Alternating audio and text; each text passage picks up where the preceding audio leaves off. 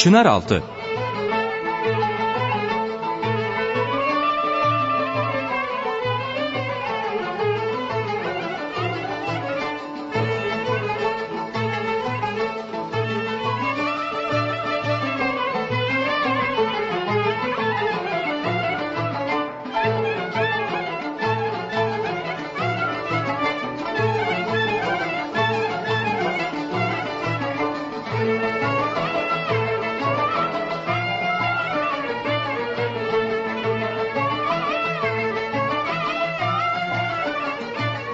Merhaba değerli dinleyiciler. TGRT FM İstanbul stüdyolarından hepinize merhaba. Bir haftalık bir aradan sonra yine sizlerle beraberiz. Programımıza başlamadan evvel hepinizi sevgi ve saygıyla selamlıyoruz.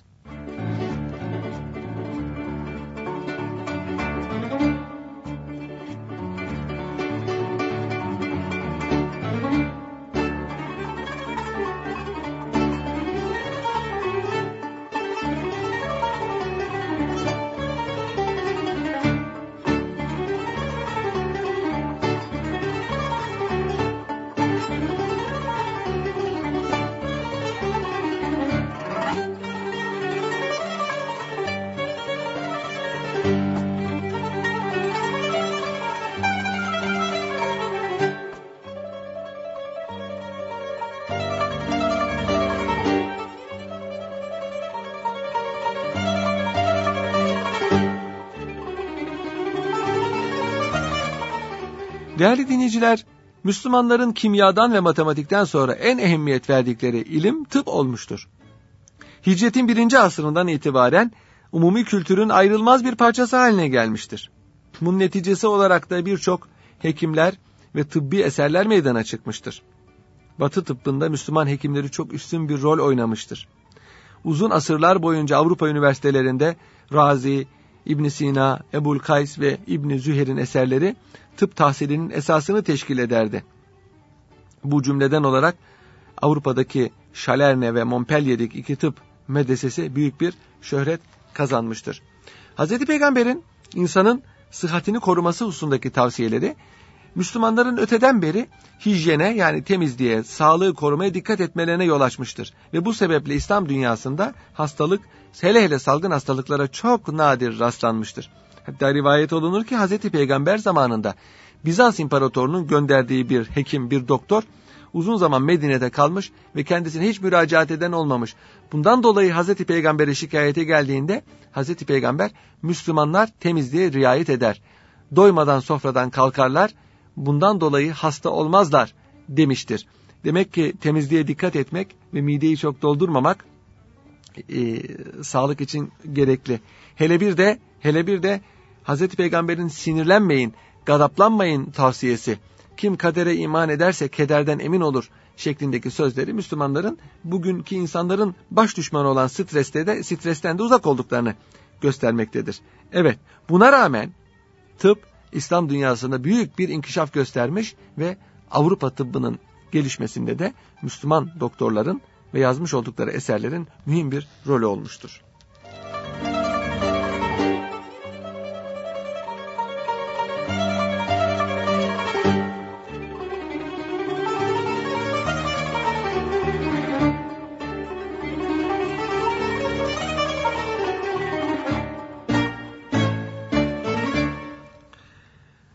İnsanlar hayatı sever ve ölümü mümkün mertebe uzaklaştırmak için büyük paralar harcarlar. Araplar Suriye'ye girdikleri zaman tıp hakkındaki bilgi dağcıkları fazla değildi ama sağlığı korumanın, hijyenin ehemmiyetini biliyorlardı. Sosyal refahla beraber Suriye'nin ve İran'ın e, buluşları Müslümanlar arasında da gelişti ve tıp sahasında Müslümanlar büyük gelişmeler kaydettiler. İslamiyet insan cesetlerinin kesilip biçilmesini men eder. Sağlığında insana yapılacak hürmet neyse öldükten sonra da aynı hürmetin yapılmasını emreder. Buna rağmen İslam anatomi, anatomi bilginleri insan vücudunu yakından tanımışlardır. Çeşitli çalışmalar neticesinde eski ilaçlara gri amber, kafur, civa, mürrü safi, karanfil, hıyar şember ve sinamekiyi ilave etmişlerdir. Şurup ve gülap şeklinde sunulan ilaçlar da sulandırılmış şeklinde sunulan ilaçlar da Müslümanlar tarafından tıp dünyasına sokulmuştur. İtalya'nın Orta Doğu ile en büyük ticaret alışverişi ilaç üzerineydi değerli dinleyiciler. Tarihte ilk dispanserleri, ilk eczaneleri açanlar Müslümanlardır. İlk eczacılık mektebinin kurucuları Müslümanlardır. Eczacılık hakkındaki eserlerin yazarları da yine Müslümanlar olmuştur. Müslüman hekimleri banyonun şiddetle taraftarı idiler. Bilhassa nöbetlerde ve buhar banyosu şeklinde bu usule başvururlardı. Çiçek ve kızamık hastalıklarına karşı Müslüman hekimlerinin geliştirdikleri tedavi şekline bugün bile eklenecek fazla bir şey bulunmamaktadır.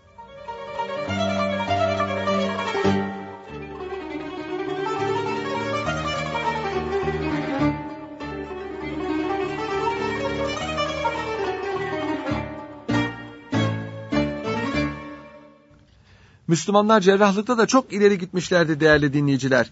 Öyle ki ameliyatlarda teneffüs yoluyla anestezi yaparlardı. Bu maksatla derin bir uyku veren haşhaş ve ona benzer başka bitkilerden istifade ederlerdi. İşte zaten Müslüman hekimlerin temin etmiş oldukları en büyük ilerleme cerrahi sahasında olmuştur.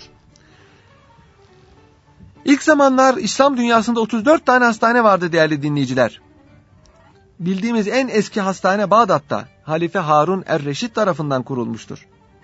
10. asırda 5 hastane daha açılmıştır. 918 yılına ait bir kaynakta Bağdat Hastaneleri Müdürü'nden bahsedilmektedir. İslam aleminin en büyük hastanesi 706 yılında Şam'da kurulmuştu Emeviler zamanındaki Hz. Peygamber'den çok az bir zaman sonradır. 978 yılında bu hastanede çalışan hekimlerin sayısı 24 idi tıp tahsili daha ziyade hastanelerde yapılırdı. İmtihandan geçmeyen ve devlet tarafından verilen bir diplomaya sahip olmayan kimse asla tabiplik, hekimlik yapamazdı. Eczacılar, berberler ve kırık çıkıkla uğraşanlar devletin kontrolü altındaydı. Hekim Vezir Ali bin İsa 931 yılında tedavi için şehirden şehire dolaşmak maksadıyla hususi bir doktorlar birliği kurmuştu. Yine akıl hastalıklarını tedavi içinde beşeri, insani bir tedavi şekli tatbik edilirdi. Yine de sağlık işleri elbette ki çok ileri gidemezdi. Zamanın keşifleri çerçevesinde en ileri e, sahada en ileri e, seviyeye gelmişti. Buna rağmen İslam alemi alemi 4 asırda 40 salgın hastalık geçirmiştir. Fakat bu dört asır zarfında Avrupalıların geçirmiş olduğu salgın hastalıkların sayısı İslam alemindekilerden çok daha fazladır. Ve bu İslam aleminin geçirmiş olduğu salgın hastalıklar daha ziyade tüccarlar ve seyyahlar vasıtasıyla Avrupa'dan gelen salgın hastalıklar olmuştur.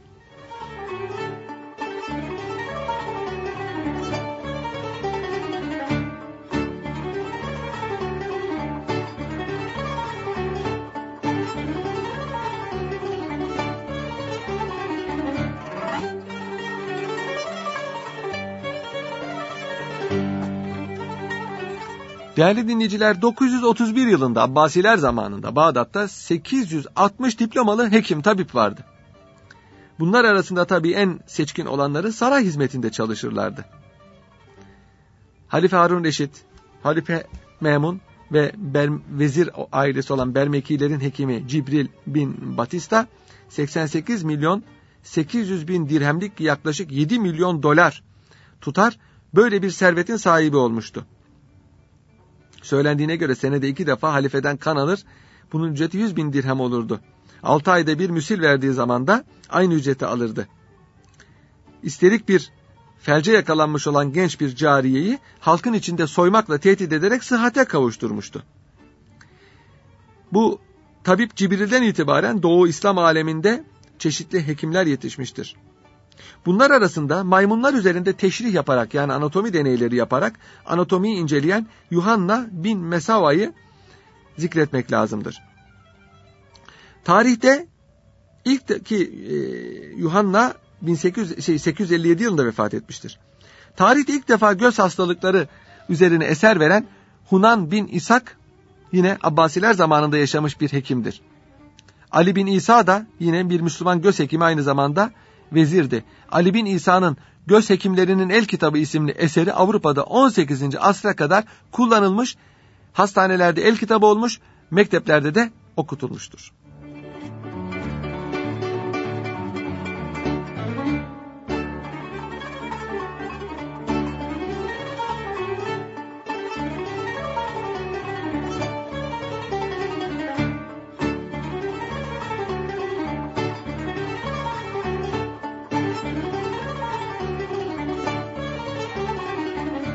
Değerli dinleyiciler, Müslüman tabiplerin en tanınmışlarından birisi hiç şüphesiz Ebu Bekir Muhammed Er-Razi'dir. 926 yılında vefat etmiştir. Avrupa'da Raze diye tanınır. Aslen İranlıydı. Tahran yakınlarındaki Rey şehrinde doğmuştur ki sonradan Selçukların baş şehri oldu burası. Bağdat'ta kimya, simya ve tıp tahsil etmiştir. Yarısı tıp olmak üzere, tıp üzerine olmak üzere 131 eser yazmıştır. Bunların çoğu zamanla kaybolup gitmiştir. Kitabül Havi adlı eseri 20 cilt idi ve tıbbın bütün konularını içine alıyordu. Kitabül Havi, Liber Continens adı altında Latince'ye çevrilmiştir. Bu eser asırlar boyunca Avrupa'da en fazla hürmet edilen tıp el kitabı olmuştur. 1395 yılında Paris Üniversitesi'nin bütün kütüphanesini meydana getiren dokuz kitaptan birisi buydu. Ki Paris Üniversitesi Avrupa'nın en eski üniversitesidir değerli dinleyiciler. Kurtuba Üniversitesi'ni saymazsak yani Müslümanların değil Hristiyanların açtığı üniversitenin en eskisi Paris Üniversitesi'dir. Kurtuba Üniversitesi Paris Üniversitesi'nden eskidir. Kureviyin, Kayruban Üniversiteleri onlardan da eskidir ama onlar Afrika'dadır. Bu eser kızamık ve çiçek hastalığı hakkındaki e, eseriyle beraber müşahade ve klinik tahlilin bir şaheseri kabul edilir. Bulaşıcı hastalıklar hakkında yazılan ilk kitap olduğu için bu kitap kızamık ve çiçek hastalığı hakkındaki kitap bu iki hastalığı açıkça teşhise yarayacak bilgileri de ihtiva ediyordu. 1498 ve 1866 yılları arasındaki 400 yıl içinde İngiltere'de 40 tane baskısı yapılmıştır bu kitabın. Bunu söylersek size eserin şöhreti ve tesiri hakkında kafi bir bilgi vermiş oluruz. Razi'nin en mühim eseri 10 ciltlik bir tıp kitabıdır. Kitabul Mansuri hükümdara ithaf edilerek yazılmıştır. Gerard de Gremon bu eseri Latince'ye tercüme etmiştir. Bu tercümenin Nomus Al-Mansuris adını taşıyan 9. cildi 16. asra kadar Avrupa'da tıbbın en yaygın metinlerinden birisi olmuştur. Ebu Bekir Er-Razi ki Reyli olduğu için Razi. Razi Rey şehrinden demektir. Razi başka raziler de var. Mesela Fahrettin Razi var meşhur tefsircidir. Yine Razi isminde Hanefi fakih hukukçu vardır. Bu tabip olan Razi. Tıpta civanın yeni kullanılı sahalarını Razi bulmuştur. Hayvan kursağının cerrahlıkta dikiş maddesi olarak kullanılmasını sağlamıştır. Doktorların daha çok hastanın idrarına bakarak teşhis koydukları bir devirde idrar tahlili için heyecanları azaltma yoluna gitmiştir. Bazı eserleri oldukça eğlenceli başlıklar taşır. Mesela bunlardan birinin başlığı şöyle. En usta en usta hekimlerin bile bütün hastalıkları iyi edememelerine dair. Başlık böyle. Bir başkada da neden cahil kadınlar ve cahil hekimler bilgili hekimlerden daha başarılı ol olur. Bir başlıkta bu. Evet değerli dinleyiciler Errazi konuya vakıf olan herkes tarafından tereddütsüz en büyük Müslüman hekimidir ve Orta Çağ'ın en büyük klinik mütehassısı olarak kabul edilir.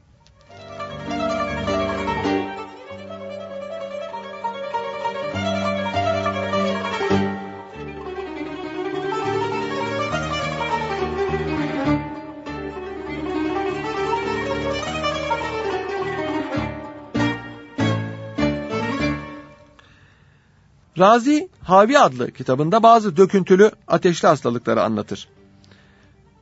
Eczacılıkta hafif müsilleri, felçli hallerde hacamat, devamlı humma halinde soğuk su istimalini ortaya koymuştur. Kaytan yakısının kullanılmasını da tıp tarihinde o öğretmiştir. 1509 senesinde Venedik'te, 1528 yılında Paris'te ve müteaddit yıllarda çeşitli Avrupa ülkelerinde diğer kitapları da tab edilmiştir.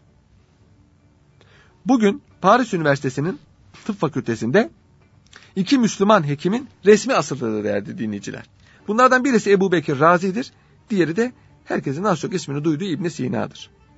Evet, Avrupalılar bu iki Müslüman Türk hekiminin İslam dünyasında yetişmiş bu iki büyük hekimin kıymetini bilmektedirler.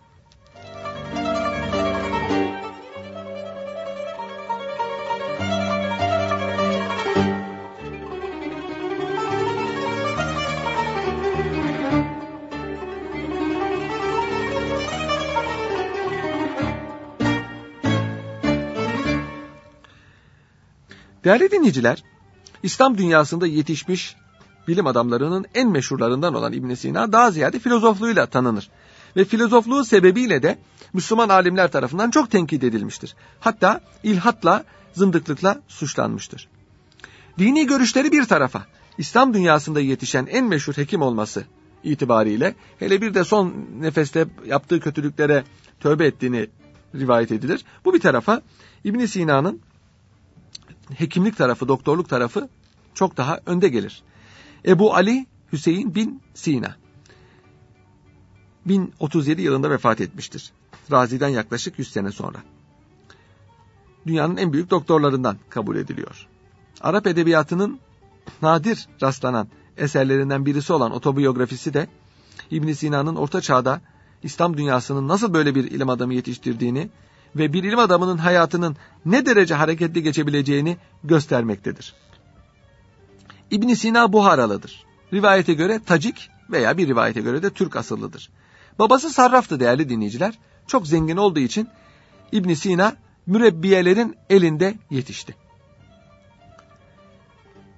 Meşhur tarihçi İbn Hallikan ondan bahsederken 10 yaşına geldiği zaman Kur'an-ı Kerim'i ezberlemiş ve Arap edebiyatını hakkıyla öğrenmişti.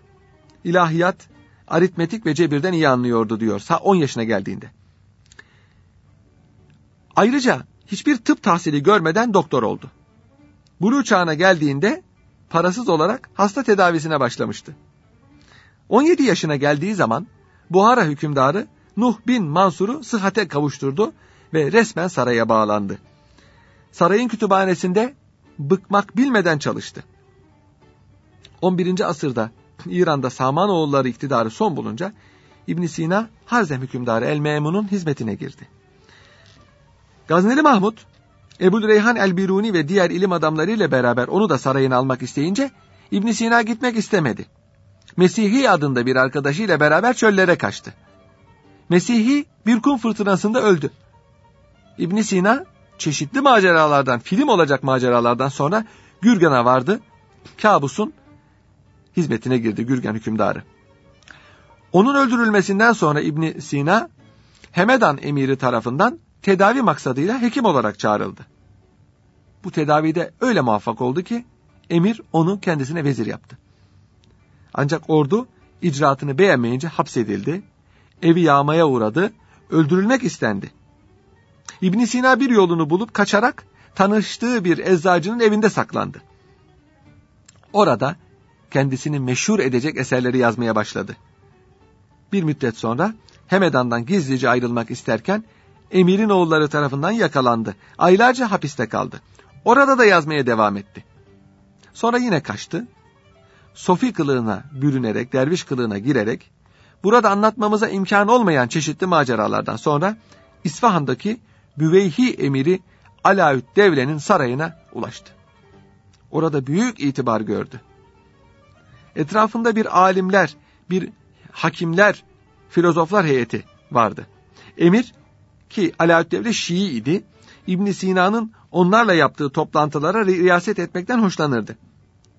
O zamandan günümüze kadar gelen bazı hikayelere göre büyük bilgin ilmin yanı sıra aşka da düşkündü. İbn Halligan ondan pek fazla duyulmamış olan şu sözleri e, naklediyor. Günde bir öğün yemek ye ve aşka karşı da perhiz yap.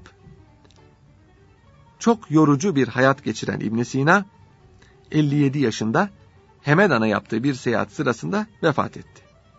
Orada mezarı günümüze kadar yaşamıştır.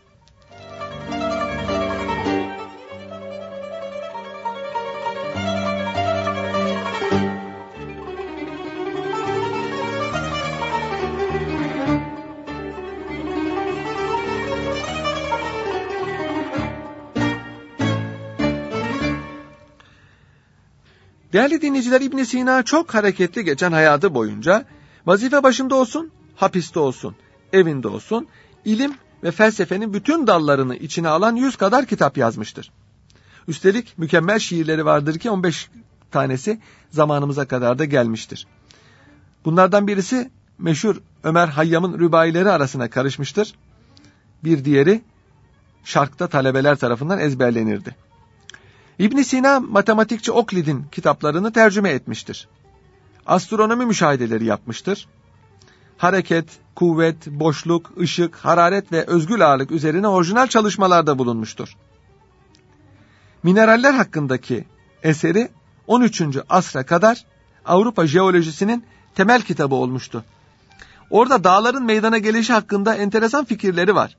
Diyor ki dağlar iki sebeple meydana gelmiş olabilir bir zelzele sırasında olabileceği gibi yer kabuğunun sıkışıp yükselmesi yahut yol arayan suların bir vadinin topraklarını alıp götürmüş olması. Toprak tabakalarının muhtelif hususiyeti vardır. Bazısı yumuşak, bazısı serttir. Yağmur ve rüzgar ilk çeşitten olanları, yumuşak olanları eritir, alıp götürür. Diğerlerine ise bir şey olmaz.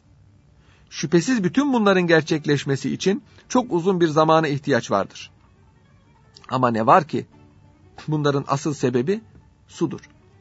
Bunun en büyük ispatı da birçok dağda suda yaşayan hayvanların fosillerinin bulunmasıdır diyor.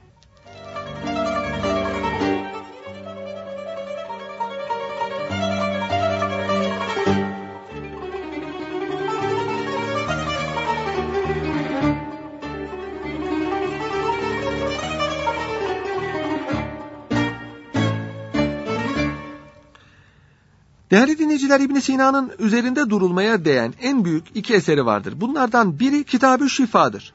Bu 18 ciltlik bir eserdir. Matematik, fizik, metafizik, ilahiyat, ekonomi, siyaset ve musikiden bahseder. Diğer bir ehemmiyetli eseri de El Kanun fit Tıp'tır. Bu dev bir fizyoloji, hijyen, tedavi ve ilaçlar bilgisi eseridir. İbn Sina eserine oldukça cesaret kırıcı bir cümleyle başlar. Benim derslerimden faydalanmak isteyen bütün talebelerin bu kitabı ezbere bilmesi lazımdır. Ve bu kitap 10 milyon kelimeliktir. İbn Sina tababeti yani tıp ilmini tabiatın normal seyrini köstekleyen bir engeli ortadan kaldırmak olarak kabul eder. Kitabında önce büyük hastalıkları, arazları, teşhisleri ve tedavilerini anlatır. Ayrıca umumi ve hususi sağlık bilgileri, lavman, kan alma, yakma, banyo, masaj ile tedavi usullerini anlatır.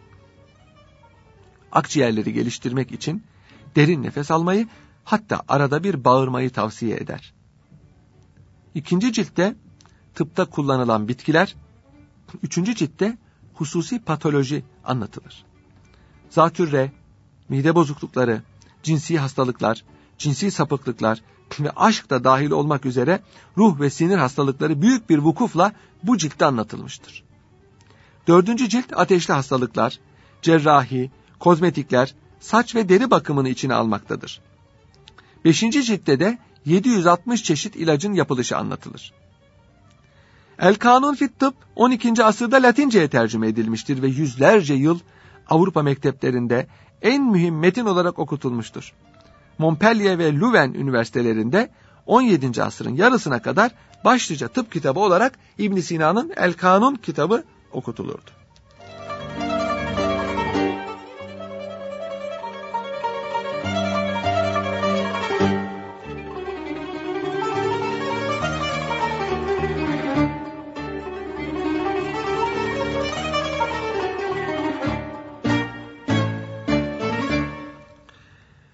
İbn Sina'nın El Kanun adlı eseri sadece Fransa'da değil İtalya'da da okutulurdu.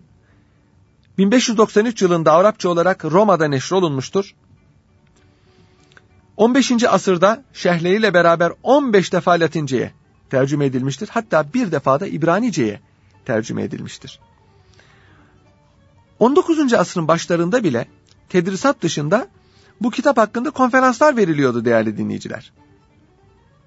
İbn Sina bu kitabından başka kalp ilaçları hakkında bir eser daha yazmıştır. Tıbba dair kasideler söylemiştir.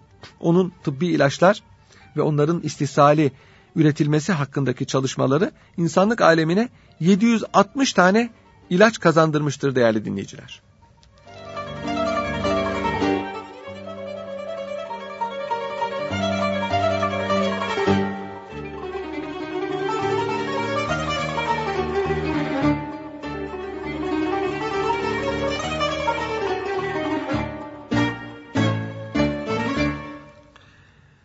Değerli dinleyiciler daha önce de söyledik. Müslüman tabiplerin temin etmiş oldukları en büyük ilerleme cerrahi sahada olmuştur. Nitekim Müslüman hekimler göz merceğini düşürmek veya kökünden koparmak suretiyle göz merceği hastalıklarını tedavi ederlerdi. Daha gözün kusurlarının bilinmediği zamanlarda göz kusurlarını tespit etmişler. Hatta hicretin ikinci asrında Kahire'de katarakt ameliyatı tatbik etmişlerdir mesanedeki taşların eritilmesini yani parçalanmasını, akan kanın durdurulmasını, dağlayıcı aletlerin kullanılmasını ve fitiller vasıtasıyla cerahatın boşaltılmasını Müslüman tabipler biliyorlardı. Keza onlar umumi olarak yeni keşiflerden sayılan tıbbi uyuşturmayı yani anesteziyi de biliyorlardı. ızdırap verici bir ameliyattan önce kulçer bitkisinden elde edilmiş bir ilacı ki buna bugün Anadolu'da karamuk deniyor. Hastaya verirlerdi ve hastayı bununla bayıltırlardı. Üstelik bu ilaç hastaya zarar vermemektedir. En meşhur Müslüman cerrah 1107 tarihinde vefat etmiş olan Ebul Kasım Halef bin Abbas el-Kurtubi'dir. Kurtubi diye bilinir. İsminden de anlayacağınız gibi Kurtuba'da yaşamıştır. Fizyoloji alimi Heller onun eserlerini 14. asırdan sonra yetişen bütün cerrahların esas kaynağıdır diye övmektedir Avrupalı Heller. 1497 senesinde kitapları Latince'ye tercüme edilmiş ve orada tab edilmiştir.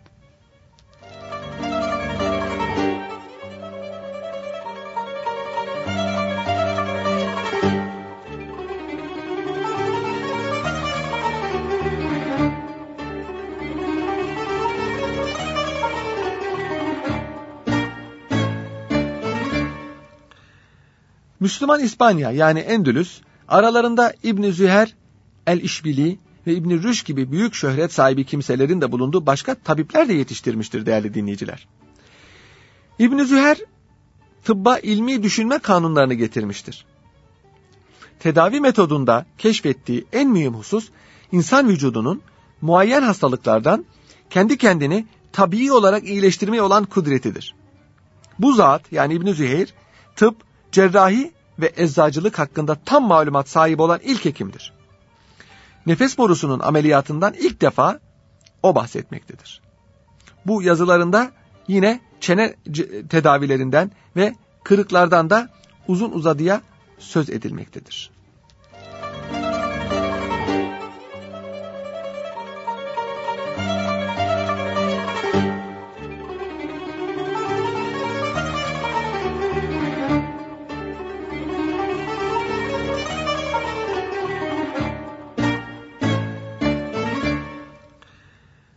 Değerli dinleyiciler, İspanya'da Aristo felsefesinin şarihi olarak, açıklayıcısı olarak geniş bir şöhret kazanan İbn Rüşd var. Bu şöhreti yani felsefeyle olan ilişkisi onun tabipliğine e, gölge düşürmüştür. Ama hekim olarak da tıp tarihinde önemli bir yeri vardır. Ebul Velid Muhammed bin Rüşd. İbn Rüşd üç tanedir değerli dinleyiciler. Dede, oğul, torun. Bu e, torun baba oğul Maliki fakihleridir e, torun olan İbn Rüşd fıkıhta çok e, bilgi sahibi olmasına rağmen felsefeyle çok haşır neşir olması felsefeye taraftar olarak İslam alimlerine karşı çıkması İslam tarihinde kötü bir şöhret uyandırmıştır. Fakat tıp da e, emsaline az rastlanan bilginlerdendir. İbn Sina'nın El Kanun adlı kitabına şehler yazmıştır. Kalinos'un tıpla ilgili eserlerini Yunan bilgini Kalinos'un eserlerine şehler yazmıştır. İbn Rüşd'ün tıp tarihine olan en büyük katkısı panzehirler ve zehirlerle ilgili e, çalışmalarıdır. Zehirlere panzehirler önermiştir. Bir de tıpta perhizin kullanılması hususundaki yazıları onu ona şöhret kazandırmıştır. Tıp kitaplarından en mühimi Külliyat adlı eseridir. 1490 yılında ilk defa Venedik'te basılmıştır bu kitap. Sonra muhtelif yerlerde defalarca baskısı yapılmış ve başka dillere de çevrilmiştir.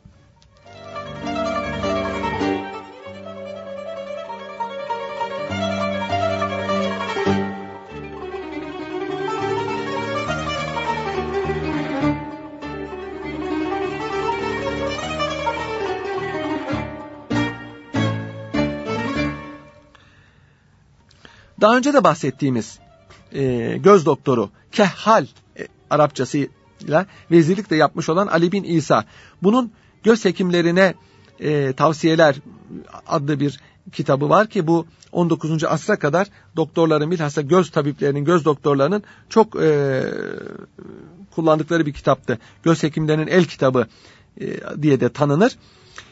Ali bin İsa'nın şöhreti kadar bir başka göz tabibi de e, katarak ameliyatını gözden mavi suyu çekerek 1256 yılında gerçekleştiren ve tarihe şırınga iğnesini keşfetmekle geçen El Muhassin adındaki doktor da e, çok meşhurdur ve Müslümanların tıp tarihine bir katkısı sayılır.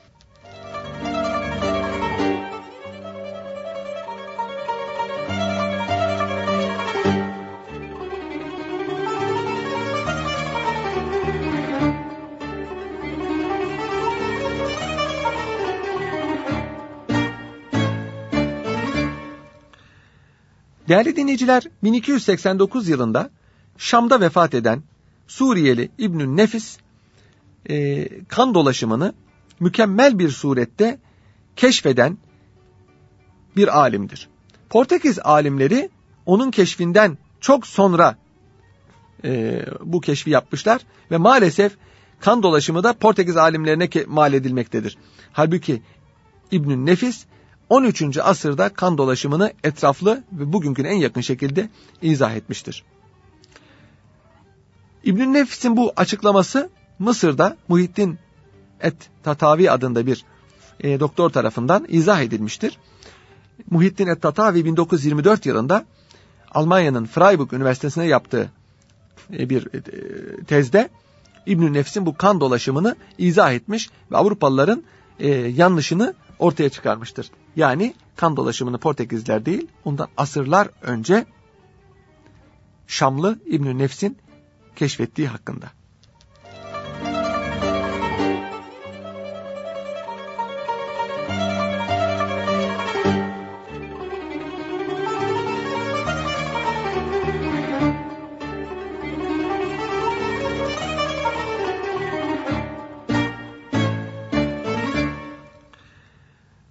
Evet değerli dinleyiciler, tıp tarihine Müslümanların katkılarından ne kadar bahsedilse az.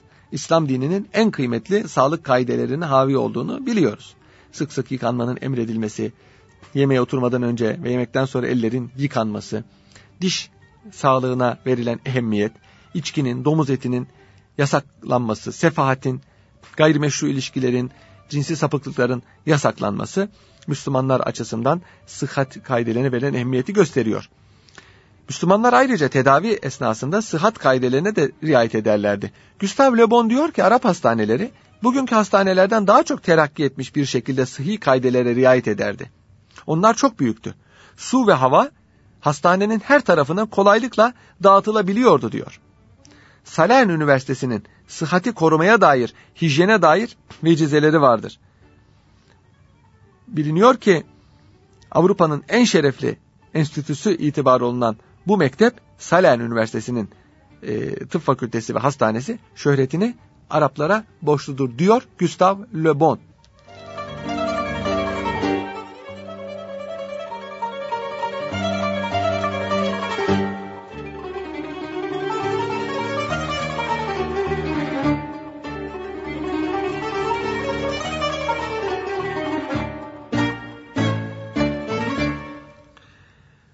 Değerli dinleyiciler, Müslümanlar tıp tarihine bu kadar katkıda bulunmuşlar. Peki Osmanlıların katkıları yok mu? Elbette ki.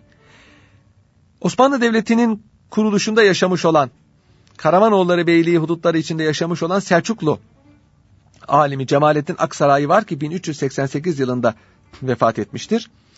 Bu biraz evvel anlattığımız kan dolaşımını bulan İbnül Nefs'in Mucez adlı kitabını şerh etmesiyle tanınır. İbnül Nefs'in Mucez kitabı e, küçük kan dolaşımını da anlatan ve e, tıbba dair e, kitabı Edirne Hastanesi'nin başhekimi Ahi Çelebi tarafından Türkçe'ye tercüme edilmiştir. Bu Ahi Çelebi'nin böbrek ve mesane taşlarına dair bir eseri vardır.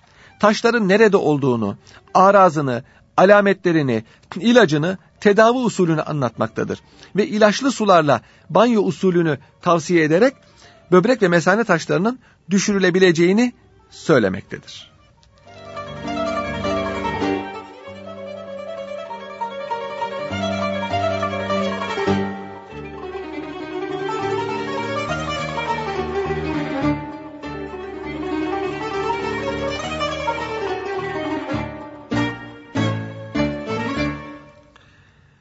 Tavaifil Muluk yani Selçuklu Devleti'nden sonra kurulan beylikler zamanında yaşamış bir meşhur doktor daha var, tabip daha var.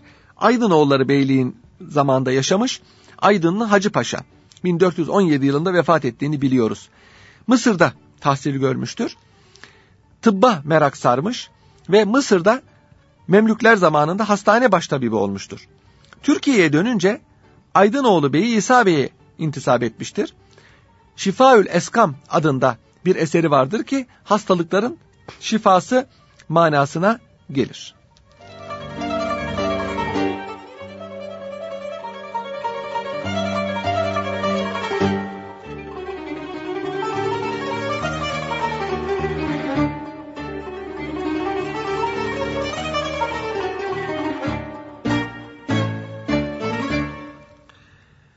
Devirde Sabuncuoğlu Şerafettin isminde bir cerrah vardır ki Cerrahname-i İlhani adlı bir eser yazmıştır. Eserin dikkate değer tarafı resimli olmasıdır. Bu resimlerde tıp aletleri ve çeşitli hastaların, hastalıkların vaziyetleri gösterilir. Bu bakımdan Sabuncuoğlu Şerafettin'in Cerrahname-i İlhani adlı eseri çok kıymetlidir.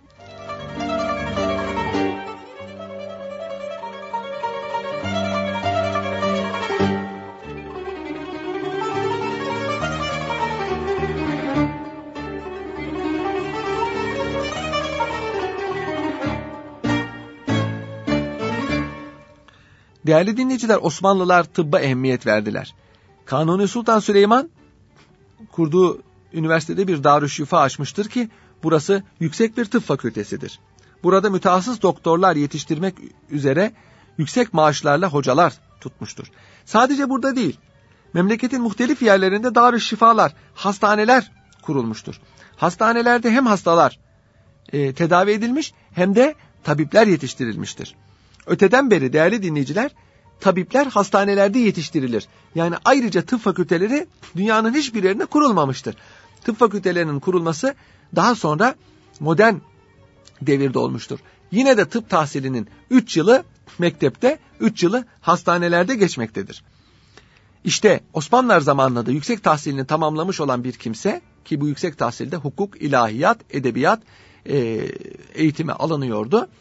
E, buradan e, hastaneye geçerek burada tabip olarak kendisini gösterebilirdi. Evliya Çelebi Edirne Hastanesi'nden bahsederken çok enteresan şeyler anlatıyor. Hastanenin bahçesindeki şadırvandan deve boynu, misk ruhu, yasemin, gül, nesrin, şebboy, karanfil, reyhan, lale, sümbül çiçekleriyle süslü bahçesinden sitayişle bahsediyor. Ama bu hakir Evliya Çelebi garip bir şey gördüm diyerek musiki ile akıl hastalarının tedavisini burada gördüğünü söylüyor. Evet, musiki İslam dünyasında dinen uygun görülmediği için fazla rağbet edilmemiş olmakla beraber izin verilen hususlardan bir tanesi de hastaların tedavisidir. Malum cenkte, bayramlarda, düğünlerde e, musikiye izin verilmiştir. Bunun dışında hasta tedavisinde de musikiye izin verildiğini eski kitaplardan okumaktayız.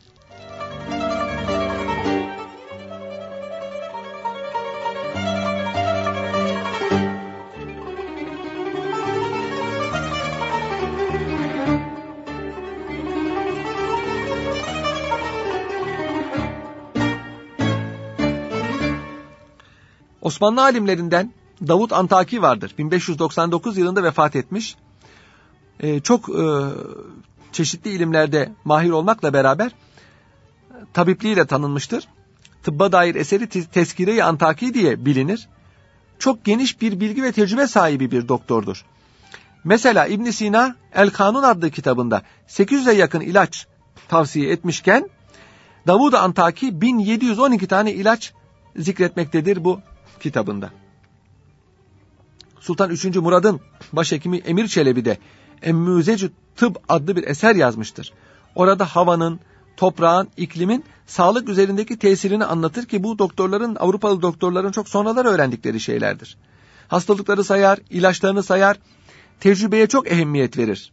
Sakamonya denilen ilacın miktarı, iklim ve ilacın menşei bakımından değişeceğini, onun için bu ilacı İbn Sina'nın kanunundan olduğu gibi alıp kullanmanın doğru olamayacağını söyler ki bu da çok dikkate değer e, doğru bir tespittir.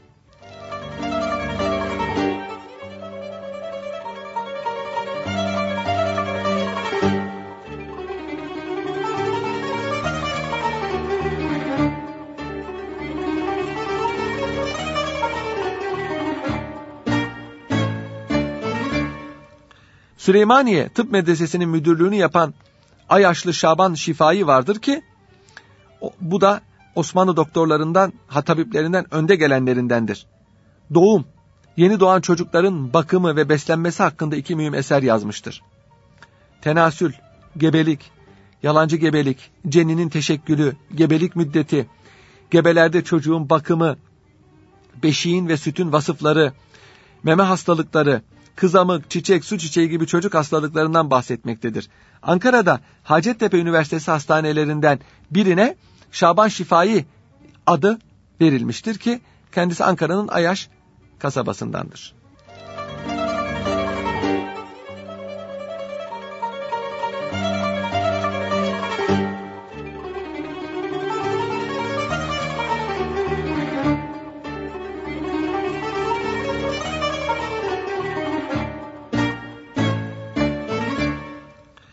Osmanlıların tıp tarihinin hizmetlerinden bir tanesi de çiçek aşısıdır değerli dinleyiciler. Çiçekli bir adamdan alınan cerahat ile yapılan çiçek aşısı 1716'da İstanbul'da İngiliz sefiri olan e, İngiliz sefirinin eşi olan Lady Montagu tarafından İngilizlere anlatılmıştır. O zamana kadar Türklerde tatbik edilen çiçek aşısı böylece İngilizlerin malumu olmuştur. Türkiye'de öteden beri yapılan bu aşı 18. asırdan itibaren İngilizler tarafından öğrenilmiş fakat 1796 yılında ilk defa Jenner tarafından tatbike konulmuştur. Yani İngilizler çiçek aşısını öğrendikten 80 sene sonra tatbik edebilmişlerdir.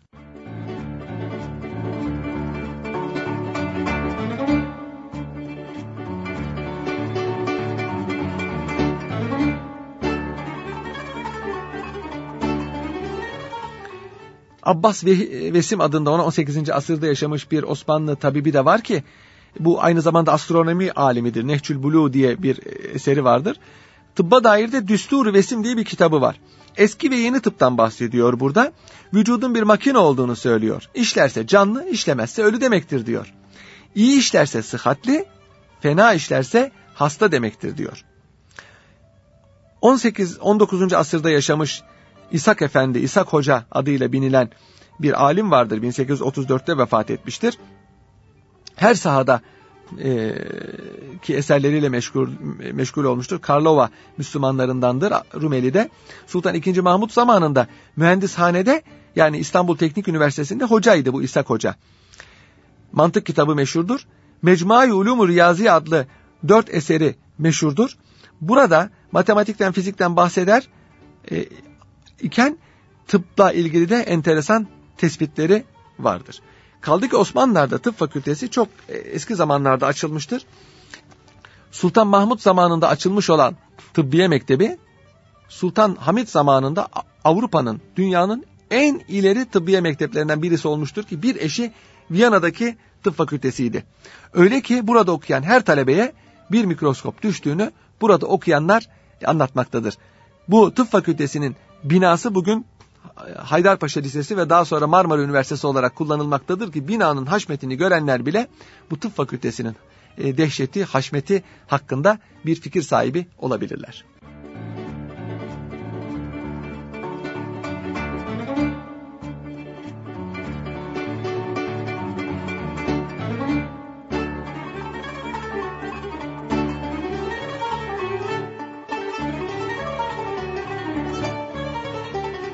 Evet değerli dinleyiciler, bu haftalık bu kadar. Haftaya yeni bir Çınaraltı programında radyonuz TGRT FM'de buluşuncaya dek hoşçakalın.